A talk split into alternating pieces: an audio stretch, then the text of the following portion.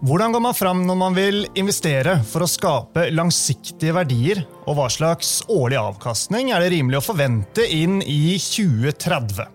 I denne episoden skal vi snakke om kapitaleieren. Det er en årlig rapport fra Welt Management Investment Office her i DNB, og en del av grunnlaget for hvordan vi følger opp kundene våre på tvers av aktiva klasser.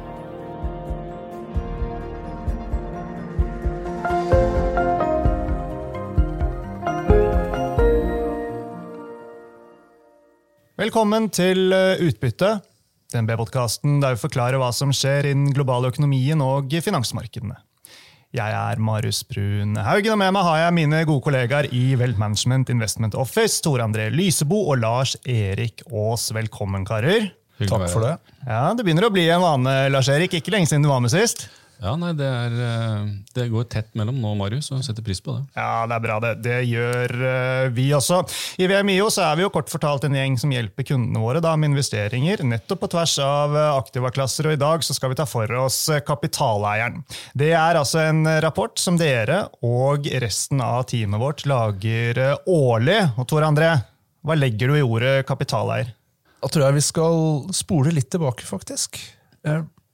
Vi, jo, vi, ser på finansmarkeder og økonomier, som du snakker om, Marius, og forsøker å forstå hva som foregår der, og hvordan de utvikler seg over tid. I økonomifaget så snakker vi ofte om at uh, den verdiskapningen som vi har, altså det som skapes totalt i en økonomi, den deles ofte mellom forskjellige typer innsatsfaktorer. Arbeidskraft, altså det at vi jobber og får lønn, det får vi betalt for. Vi kjøper inn vanligvis og bruker energi og andre råvarer. Og så er det en siste faktor, og det er noen som kommer med kapital. Det er kapitaleiere. De får også sin andel av denne kaka. Og det vi ser på her, er jo i stor grad hvordan er det disse kapitaleierne hva er det de kan forvente over tid å få i avkastning på denne, den delen de bidrar med inn i den totale verdiskapningen. Og hva er det egentlig som driver den avkastningen? Derfor kaller vi det kapitaleieren. Men det gjelder jo i prinsippet alle her i både dette landet og alle andre land som sparer penger investerer på et eller annet vis via enkeltpapirer, fond eller i andre typer instrumenter, så er de på sett og vis en kapitaleier i mindre eller større omfang. Mm. Så så lenge vi eier midler som kan investeres for å skape langsiktige verdier, så er vi en kapitaleier. Uansett størrelse. Ja, egentlig så er vi det. faktisk. Dette er alt fra 100 kroner til flerfoldige 100 millioner. Så er du en kapitaleier som bidrar inn i verdiskapningen totalt sett. Bra, da har vi satt eh, det premisset. Lars-Erik, viktigheten av eh, evnen til å tenke langsiktig og det å ha en plan for investeringene sine, det gjelder jo alle typer investorer. Eh, enten det er en privat sparer, eller det er et family office, eller om det er andre typer institusjonelle eller profesjonelle kunder. Hva er det de forhåpentligvis får ut av denne rapporten, som ikke er en selvfølge? I denne rapporten har vi forsøkt å Det er jo en del tema som påvirker eh, avkastningen på sikt gjennom verdiskapning som skjer i samfunnet, som man deltar i. Da. Og I denne rapporten så er det tre hovedtema vi har sett. Vi har som norsk kapitaleier da, som investerer da, midlene sine i Norge og utlandet sett fra Norge, så er det tre hovedtemaer som er viktige å ha med seg. Og det ene temaet går på geopolitikk. Det at verden går fra å være en global verden til å bli en mer delt verden. Det har noe å si for eh, hvor eh, fritt man kan flytte eh, produksjonen mellom lander og mellom regioner. Så det kommer til å påvirke liksom, langsiktig avkastning. Og så er det det her med realrente, som vi snakket om tidligere. Sånn, faktiske kostnaden på kapital. Og det tredje temaet som har vært en skikkelig medvind for norske investorer de siste tiårene, det er jo den svake kronen har jo bidratt til at du har fått uh, store verdier. Det er, tror det er 4-5 i årlig avkastning fra investerte i internasjonale aksjer siste tiår. egentlig, gjennomsnitt. Vi peker på disse tre hovedtemaene. da. Og Det kunne vært andre, men det er de vi har valgt denne gangen. Ja, da, og De skal vi komme tilbake til. Det er jo egentlig veldig lett å si at man skal eh, tenke langsiktig, være langsiktig osv., men likevel så ser man ofte at det er mange som feiler på gjennomføring. Hvorfor skjer det? Jo, det skjer. Jeg tror Vi blir, eh, vi er jo mennesker og blir revet med fra tid til annen. eh, Det er jo ofte sånn at eh, det høyeste, eller den billigste risikoen kan du kjøpe når ingen andre vil ha det. Så det er når markedet er veldig dårlig, du kan gjøre gode investeringer. Og så blir du litt overivrig når det går veldig bra. Så det vi vektlegger å hjelpe kunder med, det er å lage en strategi og en plan for dette, som sørger for at du for det første har lagd en, kan du si, en oversikt eller en plan for hvor mye risiko du tåler. Hvor mye tåler du at formuen din eller kapitalen din utsettes for svingninger. Og så hjelper vi dem med å sørge for at du holder den strategien. Og det er som du sier, det er der mange feiler. da, at du selv sitter og leser avisen og hører på tips og triks si, fra eh, markedet rundt deg, og så blir du eh, Kanskje du gjør litt dårlige beslutninger. da. Mm. Så vi tenker langsiktig, lag deg en plan. og Det viser seg jo på forskning at ja, 80-90% av avkastningen over tid kommer fra strategien, da, og ikke fra det taktiske rundt, med, rundt der. Så det, det er et, så det, er viktig å bruke tid på strategi. Det er derfor vi har lagt denne rapporten for å hjelpe de som Eh, hjelpe folk å tenke langsiktig. Da. Ja, og rapporten Tor André, den inneholder bl.a. Eh, anslag for langsiktige avkastningsforventninger. Både for aksjer, kreditt, renter, eiendom, private equity og, og, pengemarkedet. og Vi trenger jo ikke å gå rundt grøten her, så la oss liksom starte med konklusjonen. Altså, Hva slags årlig avkastning mener vi det er rimelig å legge til grunn over de neste åtte til ti årene? Ja, det er riktig. Vi kan gå rett på. Det er eh, hvis vi starter helt uh, innerst med det som har lavest risiko, så tror vi jo at vi er i en verden hvor renter er i ferd med å toppe ut. Og pengemarkedsplasseringer, altså tilnærmet penga i banken, uh, tror vi kommer til å få en gjennomsnittsavkastning gjennom de siste, neste åtte til ti årene på ca. 3% Det betyr at du har litt høyere i starten. Det kan vi lese av nå. De fleste som har bankkonto, ser det. Uh, og så tror vi rentene kommer litt ned til en lavere likevekstnivå enn det vi ser akkurat nå og i snitt så blir det ca. 3% Og så tror vi du får Det som er nytt fra tidligere år, i hvert fall de siste to-tre årene vi har holdt på med dette, er jo at du nå, vi tror faktisk nå du får ganske god avkastning ved å bevege deg ut på risikokurven, også i renteaktiva. Dvs. Si når vi kjøper gjeld som utstedes av faktisk både nasjonalstater og selskaper. Mm. Eh, og vi tror da faktisk at du, Når vi flytter oss litt ut her og kjøper det vi kaller investment grade-papirer, dvs. Si gjeld fra selskaper som har ganske stor eller veldig stor sannsynlighet for å ikke gå konkurs, så tror vi at vi får en avkastning på i overkant av 4% ca. 4,25% Og når vi beveger oss enda lenger ut, på, inn i de selskapene som hvor faktisk en liten andel med høy sannsynlighet går konkurs, kredittmarkedet, eller høyrentemarkedet som vi kaller det, så snakker vi om en avkastning i overkant av 6-6,25 prosent årlig de neste 8-10 årene. For begge disse to aktivene, disse renteaktiva klassene, så tror vi at forløpet også er litt spesielt. i at Vi tror kanskje at du får større del av avkastningen tidlig enn sent.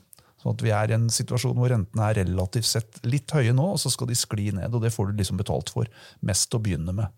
I aksjer så holder vi vel egentlig avkastningsforventningene relativt stabile fra hva vi hadde i fjor. Vi tror aksjer over tid vil gi ca. 6,5% avkastning der vi står nå. Det, eh, for de som syns det er eh, lavt eller eh, litt merkelig, så kan vi jo si at det betyr at du får ca. 3,5% risikopremie over å ha penga i banken. Det er ikke så langt unna der vi har vært historisk, faktisk, når vi justerer litt for en del spesialfaktorer som dukker opp underveis som Lars Erik var inne på her, så har vi også vært igjennom noen perioder her hvor vi spesielt her oppe i nord har fått veldig mye drahjelp fra en markert svekker, svekket krone også. Siste, siden 2010 så har vi jo fått 5,5 ekstra hvert år pga. kronesvekkelse. Vi tror det ikke skjer de neste ti årene. Da blir krona ekstremt svak. Vi kan godt se for oss at vi nok fremdeles kanskje ikke nødvendigvis skal rett tilbake der vi var, men at den skal svekke seg med 5% per år fremover, det tror vi vel ikke helt på. Eh, og Det gjør at vi er litt mer forsiktige med aksjeavkastning nå enn det vi har sett historisk. Så Da snakker vi om en aksjeavkastning på ca. 6,5% Men det gir fremdeles alle disse aktive klassene tror vi relativt greit betalt for risiko. Og Det er det vi egentlig driver og måler her. ikke sant? Og jeg tror for de fleste som har eh, lest om dette her på en eller annen høyskole eller et eller annet universitet, så er det faktisk på tide å ta fram læreboka igjen. Det er en stund siden sist, utrolig nok. De siste ti årene så har vi levd i en verden nesten uten lærebøker, hvor du egentlig ikke har fått betalt for å ta spesielt risiko i rentemarkedet, hvor det har vært veldig dårlig avkastning, og som egentlig har gjort at avkastningen i aksjer har blitt desto høyere. Vi har vært igjennom det vi har kalt denne Tina-effekten, at there is no alternative, så folk har vært om ikke tvunget, så i hvert fall presset litt inn i å ta litt mer risiko kanskje enn det de tenkte i utgangspunktet for å få avkastning. Men nå har heldigvis denne renteoppgangen hjulpet oss litt og gir en litt annen verden. Men er det store forskjeller da i årets anslag sammenlignet med fjorårets? og hvordan Det har vært historisk? Det skal vel egentlig helst ikke være så store forskjeller i anslagene? skal det det da? Nei, Det er helt riktig. Så I noen av disse aktiva-klassene så er det ikke så store forskjeller. Der det er størst forskjell, er nettopp i disse aktivaene i rentemarkedet. Det er faktisk Der har vi justert opp mest fra fjoråret. Og det er rett og slett en ganske rett frem. Funksjon av den kraftige renteoppgangen som har vært. Eh, vi var nok forberedt på det allerede når vi satte estimatene for fjoråret. at eh, når vi kom inn i dette året, så ville de komme opp litt. Fordi vi også forventet litt høyere renter. Men så har nok de også blitt enda høyere enn det vi forventet for et år siden. Så de er nok litt høyere enn vi hadde forventet da. Men det er der det store slaget står. Men hvis vi ser det over litt lengre tid Første gang vi gjorde dette, her er jo nå eh, fire år siden så har jo endringene vært ganske store, faktisk, spesielt da i disse rentemarkedene. Som jeg sa, så startet vi da med ekstremt lave renter. Da var vi et regime med nesten nullrenter. Mm. Da hadde vi avkastningsanslag på 1,75% for disse investment grade-papirene. Nå er vi på 4,25 så der er det er der forskjellen har vært størst. Ok. Eh, eiendom, den eh, nevnte du vel ikke. Eh, når man leser rapporten, så ser man at det er ganske stor forskjell på historisk og forventet avkastning. Det er i hvert fall der forskjellen er, er størst, sånn det er nå. Betyr det at det er noen muligheter der? Ja, det tror jeg vi definitivt er. Og jeg tror du er inne på et vesentlig poeng. Jeg tror Eiendom er jo også eh, et aktiva som er ganske drevet av renter, iallfall på lang sikt. Fordi vi, Når vi handler eiendom, de som er inne i disse begrepene, vet jo at vi kjøper gjerne eiendom på det vi kaller et avkastningskrav, eller en yield, dvs. Si leieinntekt delt på pris. Og det er jo egentlig en direkteavkastning, eller en løpende rente, man kan se det som, som du får. Og da hold, henger det ganske godt begrep med hva vi får i resten av rentemarkedet. Så når, de, når, vi har hatt den kraftige renteoppgangen vi har sett gjennom de siste par årene, her, sånn, så begynner det å forplante seg ganske godt inn i eiendomsmarkedet også. Og Det gjør at eh, disse løpende, den løpende avkastningen, direkteavkastningen vi får i eiendom, har kommet også ganske kraftig opp. Det gjør jo at det er noen som merker det ganske godt. Er, vi kan jo lese det i avisa nesten daglig at det er en del eiendomsprosjekter som ble satt for noen år siden, som eh, ikke akkurat har gitt god avkastning de siste par årene. hvor det er ganske tøffe forhold, Men det gjør nettopp at det er eh, helt andre muligheter for de som nå skal inn. Fordi den løpende avkastningen er noe markert høyere enn den har vært på ganske lenge. Og Det tror vi gir en interessant mulighet. Det betyr bare, det er litt tilbake til det vi snakket om i sted, at uh, også her sånn så ser vi nå at vi kan liksom ta fram læreboka ser at vi, når vi tar litt mer risiko og beveger oss oss vidt på risikokurven, så er den forventede løpende avkastningen en god del bedre enn den har vært på en stund. Så det er akkurat samme storyen. Men jeg tror også når du sammenligner med historikken, så tror jeg vi skal være klar over at uh, eiendom er et aktiva hvor, uh, som nok har uh, tjent ekstra godt på den kraftige rentenedgangen vi tross alt har hatt da, siden slutten av 80-tallet og frem til nå. Selv om vi nå snakker om renteoppgang, så snakker vi ikke om renter som er tosifrede, som vi hadde på slutten av 80-tallet. Ja. Så, ja. En ting jeg eh, liker ekstra godt med rapporten altså Vi lever jo i en verden hvor eh, det meste av eh, ja, rapporter og oppdateringer lages og skrives på engelsk, men denne er på norsk.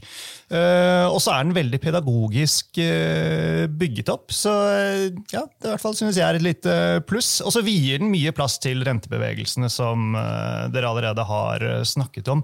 Særlig oppgangen i de lange realrentene. Hvorfor det, Lars Erik? Jo, eh, det som har skjedd de siste årene, som i sånn enkelt forklart, er, at renten har steget, det har man fått med seg. da. Men, og, men, forventningen til inflasjon den har egentlig ikke steget. Så det du sitter igjen med, er liksom den biten, den faktiske kostnaden på å låne penger, eller den faktiske investeringen du kan gjøre, den har en helt annen realrente. Da, altså nominell rente minus forventet inflasjon. Da. Og det slår jo inn i um, enhver investering, egentlig for å si det enkelt. Eh, enhver investering, eller hver aktiva som vi kaller det, jo, er jo egentlig en eller annen kontantstrøm i en eller annen form og farge. Aksjer kan være utbytte, eh, fixed income, som vi sier på engelsk, da, eller, eh, eller, obligasjoner. Det er jo en fast kontantstrøm. Den skal neddiskonteres med en eller annen kostnad da, eller en eller annen verdi. Og realrenten er en del av den. Da. Så hvis du husker fra skolen, så har du jo telleren og nevneren. Da. Så da er det sånn at Når eh, nevneren eh, stiger i verdi, så faller egentlig verdien av kontantstrømmen. Da. Og En høyere realrente betyr at enhver aktiva vil falle i verdi. Da. Så Det er en helt sentral ting å ha med seg. Dette er litt sånn lærebokteknisk, men, Jeg tror det er viktig å huske på at eh, alternativkostnadene til penger er ikke null lenger, som vi har vært vant til i snitt, da, eller svakt positivt de siste ti, siste ti årene. Eller siste tiåra, egentlig. Så er vi tilbake til noe som eh, vi tror er mer normalrente, da, eh, som da er en høyere realrente. da. Mm. Og Realrente har også betydning for pengepolitikken til sentralbankene, for de sikter jo mot en realrente når de setter renten. da.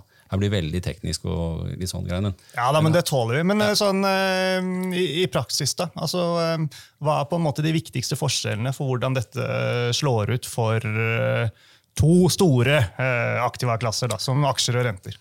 Ja, Hvis du gjør det helt enkelt, I renter så slår det ganske direkte ut. I den forstand at der har du en fast kontantstrøm i, i, i, i telleren. Da, og så har du når nevneren da øker for at realrenten stiger, så faller det mye. Og det så vi i 2022. Det var ikke sånn at rentene steg fordi at det var redd for inflasjon i disse tiåra. Rentene steg for at sentralbankene hadde ambisjoner om å sette renten på et helt annet nivå. da. Mm. Eh, så det har du sett tydelig der. I aksjer så, Det som er fint med aksjer, er at uh, aksjer så får du jo kanskje igjen inflasjonen. gjennom Du får jo faktisk inflasjon for at selskapene setter opp prisene. Så du får en eh, kompensasjon i prinsippet da, for den. kan du tenke deg at du får da. Så det slår ikke like hardt ut. da. Men det vi ser nå som grunn til at eiendom igjen er litt interessant, er at eh, hvis du tar den illikvide eiendomsdelen av de som ikke handles på børs, så ser du nå kanskje de samme effektene som vi så i 2022 og 2023 i det likvide eiendomsmarkedet. Da. Så det slår litt annerledes gjennom at uh, uh, det prises ikke fort da, som det gjør i rentemarkedet, hvor så det helt tydelig veldig fort. Mm. Som du sa tidligere, Lars Erik, rapporten vil også plass til ting som vi diskuterer ganske jevnlig her i podkasten, men kanskje ikke strukturert nok. nok. En av de er geopolitisk risiko. Hvordan skal man tenke rundt dette her på lang sikt? Det er jo veldig vanskelig å kvantifisere.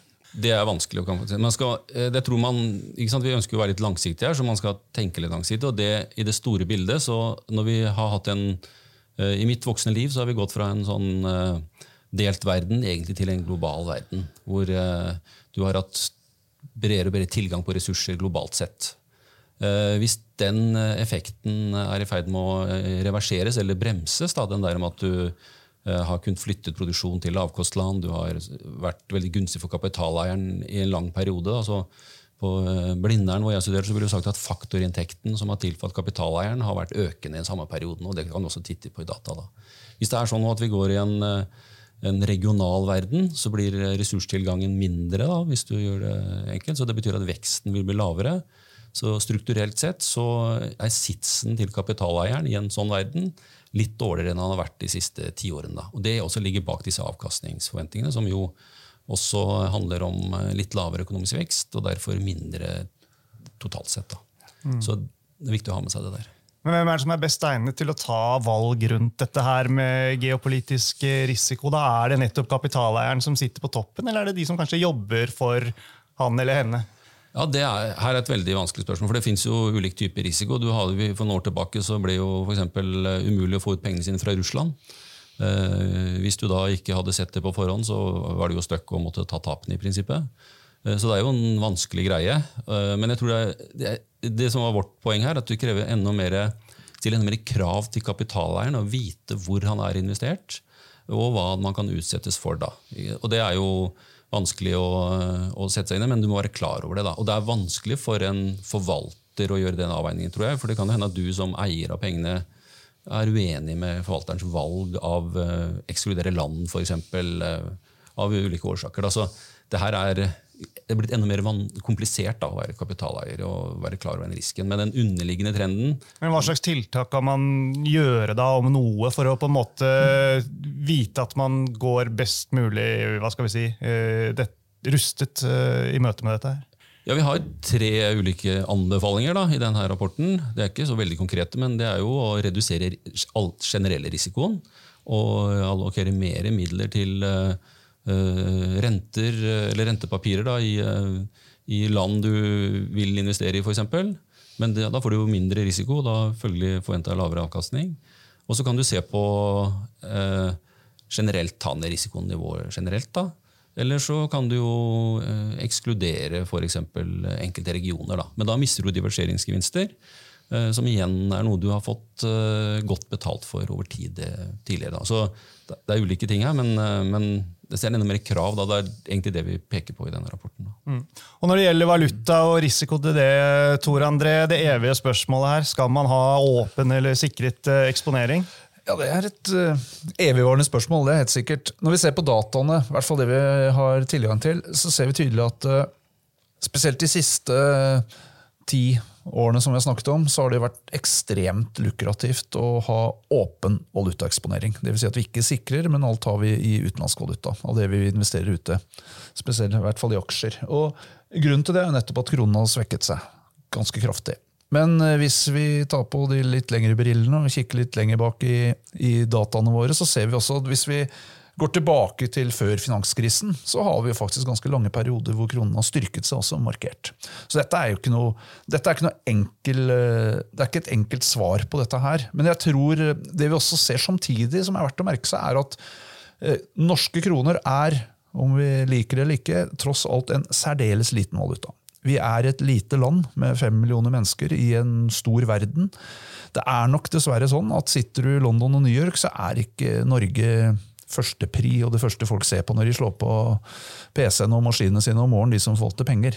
Det betyr at vi nok er utsatt for det vi kaller en del opportunistiske kapitalstrømmer. Vil si at når folk har investert hos oss, så eh, er det nok av mer sånn opportunistiske grunner at de tror de får en sjanse til å gjøre et, en veldig god investering i kortere eller lengre perspektiv, enn at det er noe, en langsiktig investering som skal være der eh, til nærmest evig tid. Det betyr også at når vi får uro rundt omkring, så ser vi veldig tydelig at en del utlendinger trekker litt kapital hjem og sender krona svakere.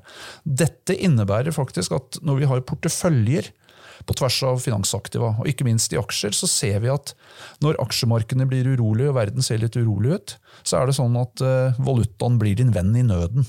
Fordi da får du faktisk med deg litt eh, kurseffekter på at norske kroner svekker seg, når kanskje samtidig aksjemarkedet er svakt. Så Ofte ser vi at en norsk investor gjør det bedre målt i norske kroner enn i utenlandsk valuta når verden ser litt stygg ut. Og Det er et godt argument i seg selv, for så vidt. At du får, det kan se ut som, i hvert fall på de dataene vi har gjennom de siste par tiårene, at du får lavere risiko, sånn som vi måler det. da. Eh, Når vi skal se på andre siden, det er jo selvsagt hvilken avkastning kan vi forvente. Hvordan skal da denne krona gå over tid? Og Da tror jeg vi er i hvert fall ganske klare på det her i huset, at eh, en ganske stor del, og kanskje hele, av den kronesvekkelsen vi har sett, er jo ganske godt fundamentalt fundert. Det er faktisk en del fundamentale trekk som gjør at denne kronen har gått litt svakere. Eh, Det gjør også at vi ser liksom ikke for oss at vi skal bare snu oss og gå rett tilbake igjen til der vi var en gang. Vi tror det skal veldig mye til. Akkurat der vi står nå, så er kanskje sannsynligheten større for at vi får en muligens en viss marginal svekkelse over tid herfra. Og så vet vi at akkurat der vi står nå, så kan det hende at dette markedet har dratt til litt ekstra. Det er fort gjort at det, det vi kaller overskyter litt på kort sikt, disse finansmarkedene. Så det å se en kronestyrkelse på 5-10% herfra, det er helt uproblematisk også. Det er litt volatilt, dette her. Men eh, jeg tror generelt sett vår anbefaling er jo ofte at man skal tenke godt igjennom det, og så tenke gjennom at eh, en viss eh, grad av åpen valutarisiko her åpenbart kan gi deg litt lavere svingninger, og kanskje dempe volatiliteten litt i porteføljen din. I hvert fall det det har gjort de siste tiårene. Og så er det veldig vrient å spå hvor den kronekursen skal gå. Og det gjelder begge veier. Dere har jo brukt eh, starten av året på å reise rundt og prate med kunder om eh, dette her, med rapporten som eh, utgangspunkt, men selvfølgelig mer i detalj og tilpasset hver enkelt kundes portefølje osv. Hva er tilbakemeldingene dere har fått da, som er verdt å ta med seg? Det er vel det er flere ting, men det, det, det er jo dårlig sånn salgstriks sånn å reise rundt og selge 6,5 avkastning på aksjer. for Folk har jo opplevd noe helt annet eh, over de siste ti årene. da. Eh, Men det jeg merker meg når vi har liksom jobbet gjennom presentasjonen, det er for vi, Grunnen til at vi har med valuta, er at det har hatt veldig stor betydning. Eh, Og hvis du skal fortsatt ha en stor betydning, så må du fortsette. Så Det er den ene biten av det. Og det andre er det som handler om, den, det som handler om egentlig vekst generelt. da.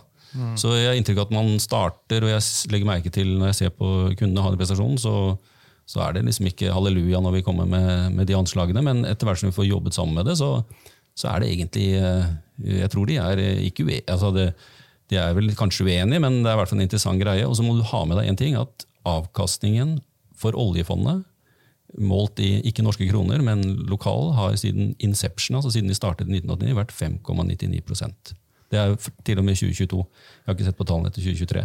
Så sant, det er jo ikke helt galt. Det er bare valutaeffekten har vært så enorm. da. Mm. Så kundene forventer som regel høyere avkastning enn det dere presenterer og legger på bordet? De håper i hvert fall, tenker jeg. Det er helt sikkert. Og noen forventer òg, selvsagt. Og så er det greit. Det vi forsøker å få til, er liksom å realitetsorientere i alle fall til å starte med oss selv, mm. og også alle rundt oss. og Forsøker å gi et rimelig estimat på hvor vi faktisk tror dette vil være gjennom de neste åtte til ti årene. Mm. Eh, og Det er jo drevet av en del fundamentale forhold. Og så er det én ting til som jeg, som jeg, tror vi drar med oss veldig mye, og som er veldig viktig å få med seg som kapitaleier, som vi snakker om her. Det at disse realrentene har steget, gir tilgang til å investere i et mye større sett av aktiva en helt annen, med en helt annen type forventet avkastning enn det vi har sett på veldig veldig mange år. Vi må tilbake til før liksom, finanskrisen for å se samme muligheter for å bygge porteføljer på tvers av aktiva med samme type forventet avkastning og risikopremier. Så Det er jo den store fordelen her. Selv om det, har, det gjør selvsagt særdeles vondt for veldig mange når disse rentene kommer så kraftig opp, men det bidrar til at de som nå skal investere, har et helt annet type utgangspunkt. Og det er veldig viktig å få med seg. Det er veldig mange som har lett for å glemme her. Så selv om det er eh, guffent for de som låner penger, så er det veldig hyggelig for de som skal gi lånene og kjøpe gjeld, som vi her snakker om, og de som faktisk investerer. Men alle de tingene vi har snakket om her i dag, det påvirkes jo av uh, en masse ting. Uh, et sammensurium av ikke sant, langsiktig evne til vekst, demografi, produktivitet, deglobalisering osv. Masse ting. Hva slags forutsetninger er det, er det, er det noen forutsetninger dere tar som vi ikke har vært innom, som man, lytterne bør være klare over? Ja, Det tror jeg er viktig å få med seg.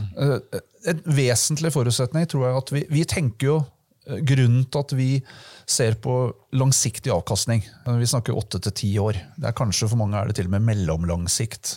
Men grunnen til at vi gjør det, er jo flersidig. Men det ene er at vi i stor grad så er dette noe vi snakker til med kunder som har lang horisont. Derfor så forsøker vi liksom å strekke ut strikken litt og se hvordan dette kan utvikle seg over lengre perioder. Det andre er at vi ser også at eh, på lang sikt er det en del mye mer fundamentale og strukturelle forhold som påvirker avkastning. På kort sikt er det veldig mye det vi kaller sånn støy, eksogene sjokk, som kan påvirke oss, som er veldig vanskelig å forutse. Som vi liksom må ta hensyn til idet det skjer. Men på lengre sikt er det nettopp en del av disse langsiktige størrelsene som du er inne på, som begynner å virke, og virker sterkere og sterkere. Og da er det jo blant annet De viktigste forutsetningene egentlig vi legger til grunn, er jo at den demografiske utviklingen som vi ser allerede vi står midt oppi, skal fortsette.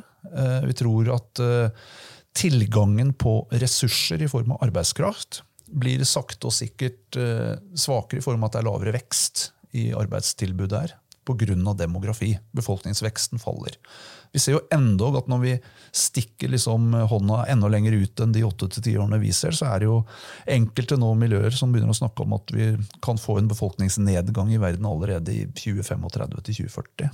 Dette baserer seg på mye litt eh, krevende anslag, selvsagt. men dette ja, er utrolig... Og så kan jeg si at det kompenseres av eh, roboter som kommer riktig, og tar over. for Det er det andre poenget. ikke sant? Helt korrekt. Den andre siden av saken er at vi forventer jo samtidig en produktivitetsvekst. Det legger vi til grunn, som skal mer enn, litt mer enn kompensere for den eh, utfordringen vi får med mindre tilgang i arbeidskraft. Så det er jo forutsetninger her sant, om at demografisk utvikling fortsetter som det har gjort. At vi får litt mindre ressursvekst fra arbeidskraft, samtidig som vi tror produktivitetsutviklingen kommer til å bli rimelig bra, f.eks. ved AI og alle andre typer teknologiske eh, utviklinger som gjør at vi faktisk opprettholder en rimelig veksttakt fremover også. Mm. En ting er jo eh, når man investerer i eh, noterte ting på børs, eller uh, hva det skulle være. Uh, en annen ting er jo når man begynner å vi si, diversifisere, spre investeringene enda mer, så går man også kanskje ut i eiendom ikke sant, som ikke er på børs. man går i private equity, hvor man må sitte med pengene lenge. Altså, hvordan skal man tenke rundt likviditet i en sånn portefølje? Det er jo, Over tid så har det her vært gode aktive klasser å være investert i. Eh, det vi har gjort når vi har sett på det her, det er å prøve å eller vi har egentlig overstyrt modellen litt. Sørge for at du ikke har alle pengene i illikvide aktiva. Så vi har begrensa det, egentlig. Så jeg tror vi er vel maks oppe i 25-30% men da skal du ha mye penger òg. Så du ikke endrer strategien underveis. Da. Så vi har begrensa, det det første. Og så er det jo den illikviditetspremien du kaprer, er jo for at du ikke kan ta ut penga i morgen. Så du er liksom stuck med investeringen. Det betyr at den resterende portefølja di, det er jo den likvide biten du har, den vil bli rebalansert som vi sier underveis i strategien. Da. Så du vil sørge for at du, skal du ha 50% aksjer, så vil du ha det da, i portefølja over tid. Så det, det, er liksom sånn vi har håndtert det der. da. Og så har vi, Det er jo litt vanskelig aktive klasser å investere i som en sett utenifra, sånn som vi ser det, for mange av kundene også. Så vi har også, når vi har regnet på det i disse avkastningsforventningene det, det og det er vi for så vidt oppsummert I det siste kapittelet så står disse avkastningsforventningene ut. da. Der har vi jo regnet med at når du investerer i eiendom, så er det bare 90% av pengene som er investert i eiendommen, eller eiendomsinvesteringen, da, og så er 10% av pengene dine i cash.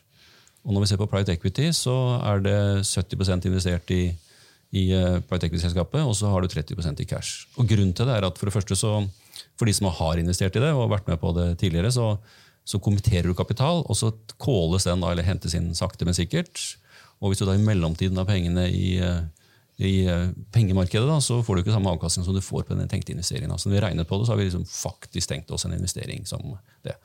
Så, så, det er, så noen vil jo synes at de tallene vi ligger, også er litt lavere, da, men, men, eh, vi mener det er en riktig måte å tenke på aktivaklassen som. da. Ok, Men hvis vi skal runde av her, da. Altså, hvordan er stjerneeksempelet på en eh, portefølje? Hvordan ser den ut? Dere kan velge forutsetninger selv. Eh, her, vi har jo to enkle, jeg kan starte jeg da, siden det, Vi har en enkelt prinsipp. Det er kundenes penger og så er det kundens risiko. Så Det første vi jobber med kundene, er å finne en risikoen de tåler. Eh, og så Da blir jo egentlig både avkastningen og, og det som følge av det, da, hvis vi er investert sånn i bred forstand. Da. Men det man skal ha med seg fra denne rapporten som jeg synes er interessant, eller som er hovedpoengene, det er at nå kan du faktisk spre risikoen din med flere aktiva med ganske god forventa avkastning i realtermer, da, for å bruke det begrepet. Så nå kan du forvente en høyere forventa avkastning i prinsippet for samme portefølje du hadde for noen år tilbake. For vi har fått et rentenivå som, som er på 4-5% eh, ikke 1, og 1,5 og 2 som det var for en stund tilbake. Og det betyr at du er også mer beskytta for ulike eh, skrekkscenarioer for aksjer. Da. For det har faktisk en tendens til eh, rentene faller, og du får kursgevinster i obligasjonsporteføljen din. Da. Så du har bedre betalt for samme risiko, da, for å bruke det begrepet. egentlig. Ja, jeg kan jo bare hoppe inn, jeg òg. Og det det er jo langs, litt langs de samme linjer. Eh, vi er jo i en verden hvor det er som Lars litt enklere å skaffe seg avkastning på tvers av flere aktiva. Du kan faktisk være litt mindre konsentrert enn det du har vært de siste tiårene. og få samme type avkastning. Og så er det bevissthet tror jeg, rundt eh, når man beveger seg inn i, eventuelt inn i den illikvide delen av finansmarkedet. Så skal man være veldig bevisst som vi allerede snakket om, på hva det innebærer. I form av at uh, det kan tenkes du får noen likviditetspremier over tid, men du må være veldig bevisst på at uh, det betyr også at det er vanskelig å omsette det, og du må virkelig ha en ordentlig lang horisont. Vi snakker jo om åtte til ti år vanligvis minimum bør du ha for å kunne investere en del av dette, den delen av markedet.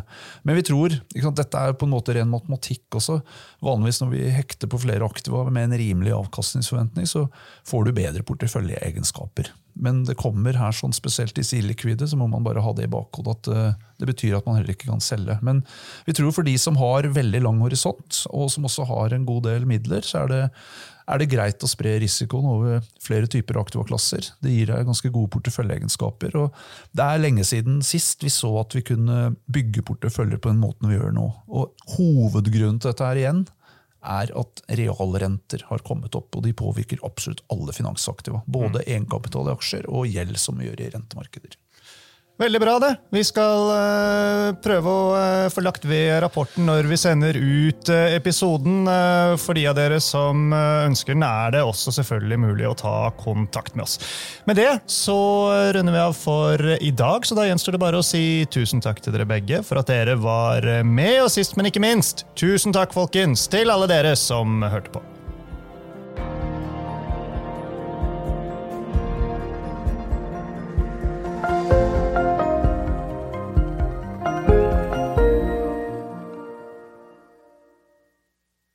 Denne sendingen ble publisert i podkasten Utbytte. Innholdet i sendingen er å anse som markedsføringsmateriale fra DNB og er ment å være generell spareveiledning. Sendingen skal ikke oppfattes som et tilbud om å kjøpe eller selge finansielle instrumenter, eller som investeringsrådgivning tilpasset den enkelte investors situasjon. En investor som har behov for råd eller har spørsmål og informasjon som gis, bør kontakte en finansrådgiver. DNB påtar seg ikke noe ansvar verken for direkte eller indirekte tap som følge av innholdet i sendingen legges til grunn for eventuelle investeringsbeslutninger. Husk at historisk avkastning aldri er noe garanti for fremtidig avkastning. Avkastningen kan bli negativ som følge av kurstap. Bruk av prognoser for å beregne fremtidig avkastning er heller ingen garanti for fremtidig avkastning. Innholdet i sendingen bygger på informasjon fra offentlig tilgjengelige kilder som DNB ser på som pålitelige, men som ikke er uavhengig verifisert. Følgelig gir DNB ingen garanti i forhold til nøyaktighet og fullstendighet. Alle uttalelser her reflekterer DNBs, den enkelte ansatte, eller andre tredjeparts vurderinger på tidspunktet for den aktuelle sendingen, og kan i ettertid endres uten nærmere beskjed. Ytterligere informasjon om annet kildebruk og interessekonflikter er tilgjengelig på dnb.no skråstrek invest disclaimer.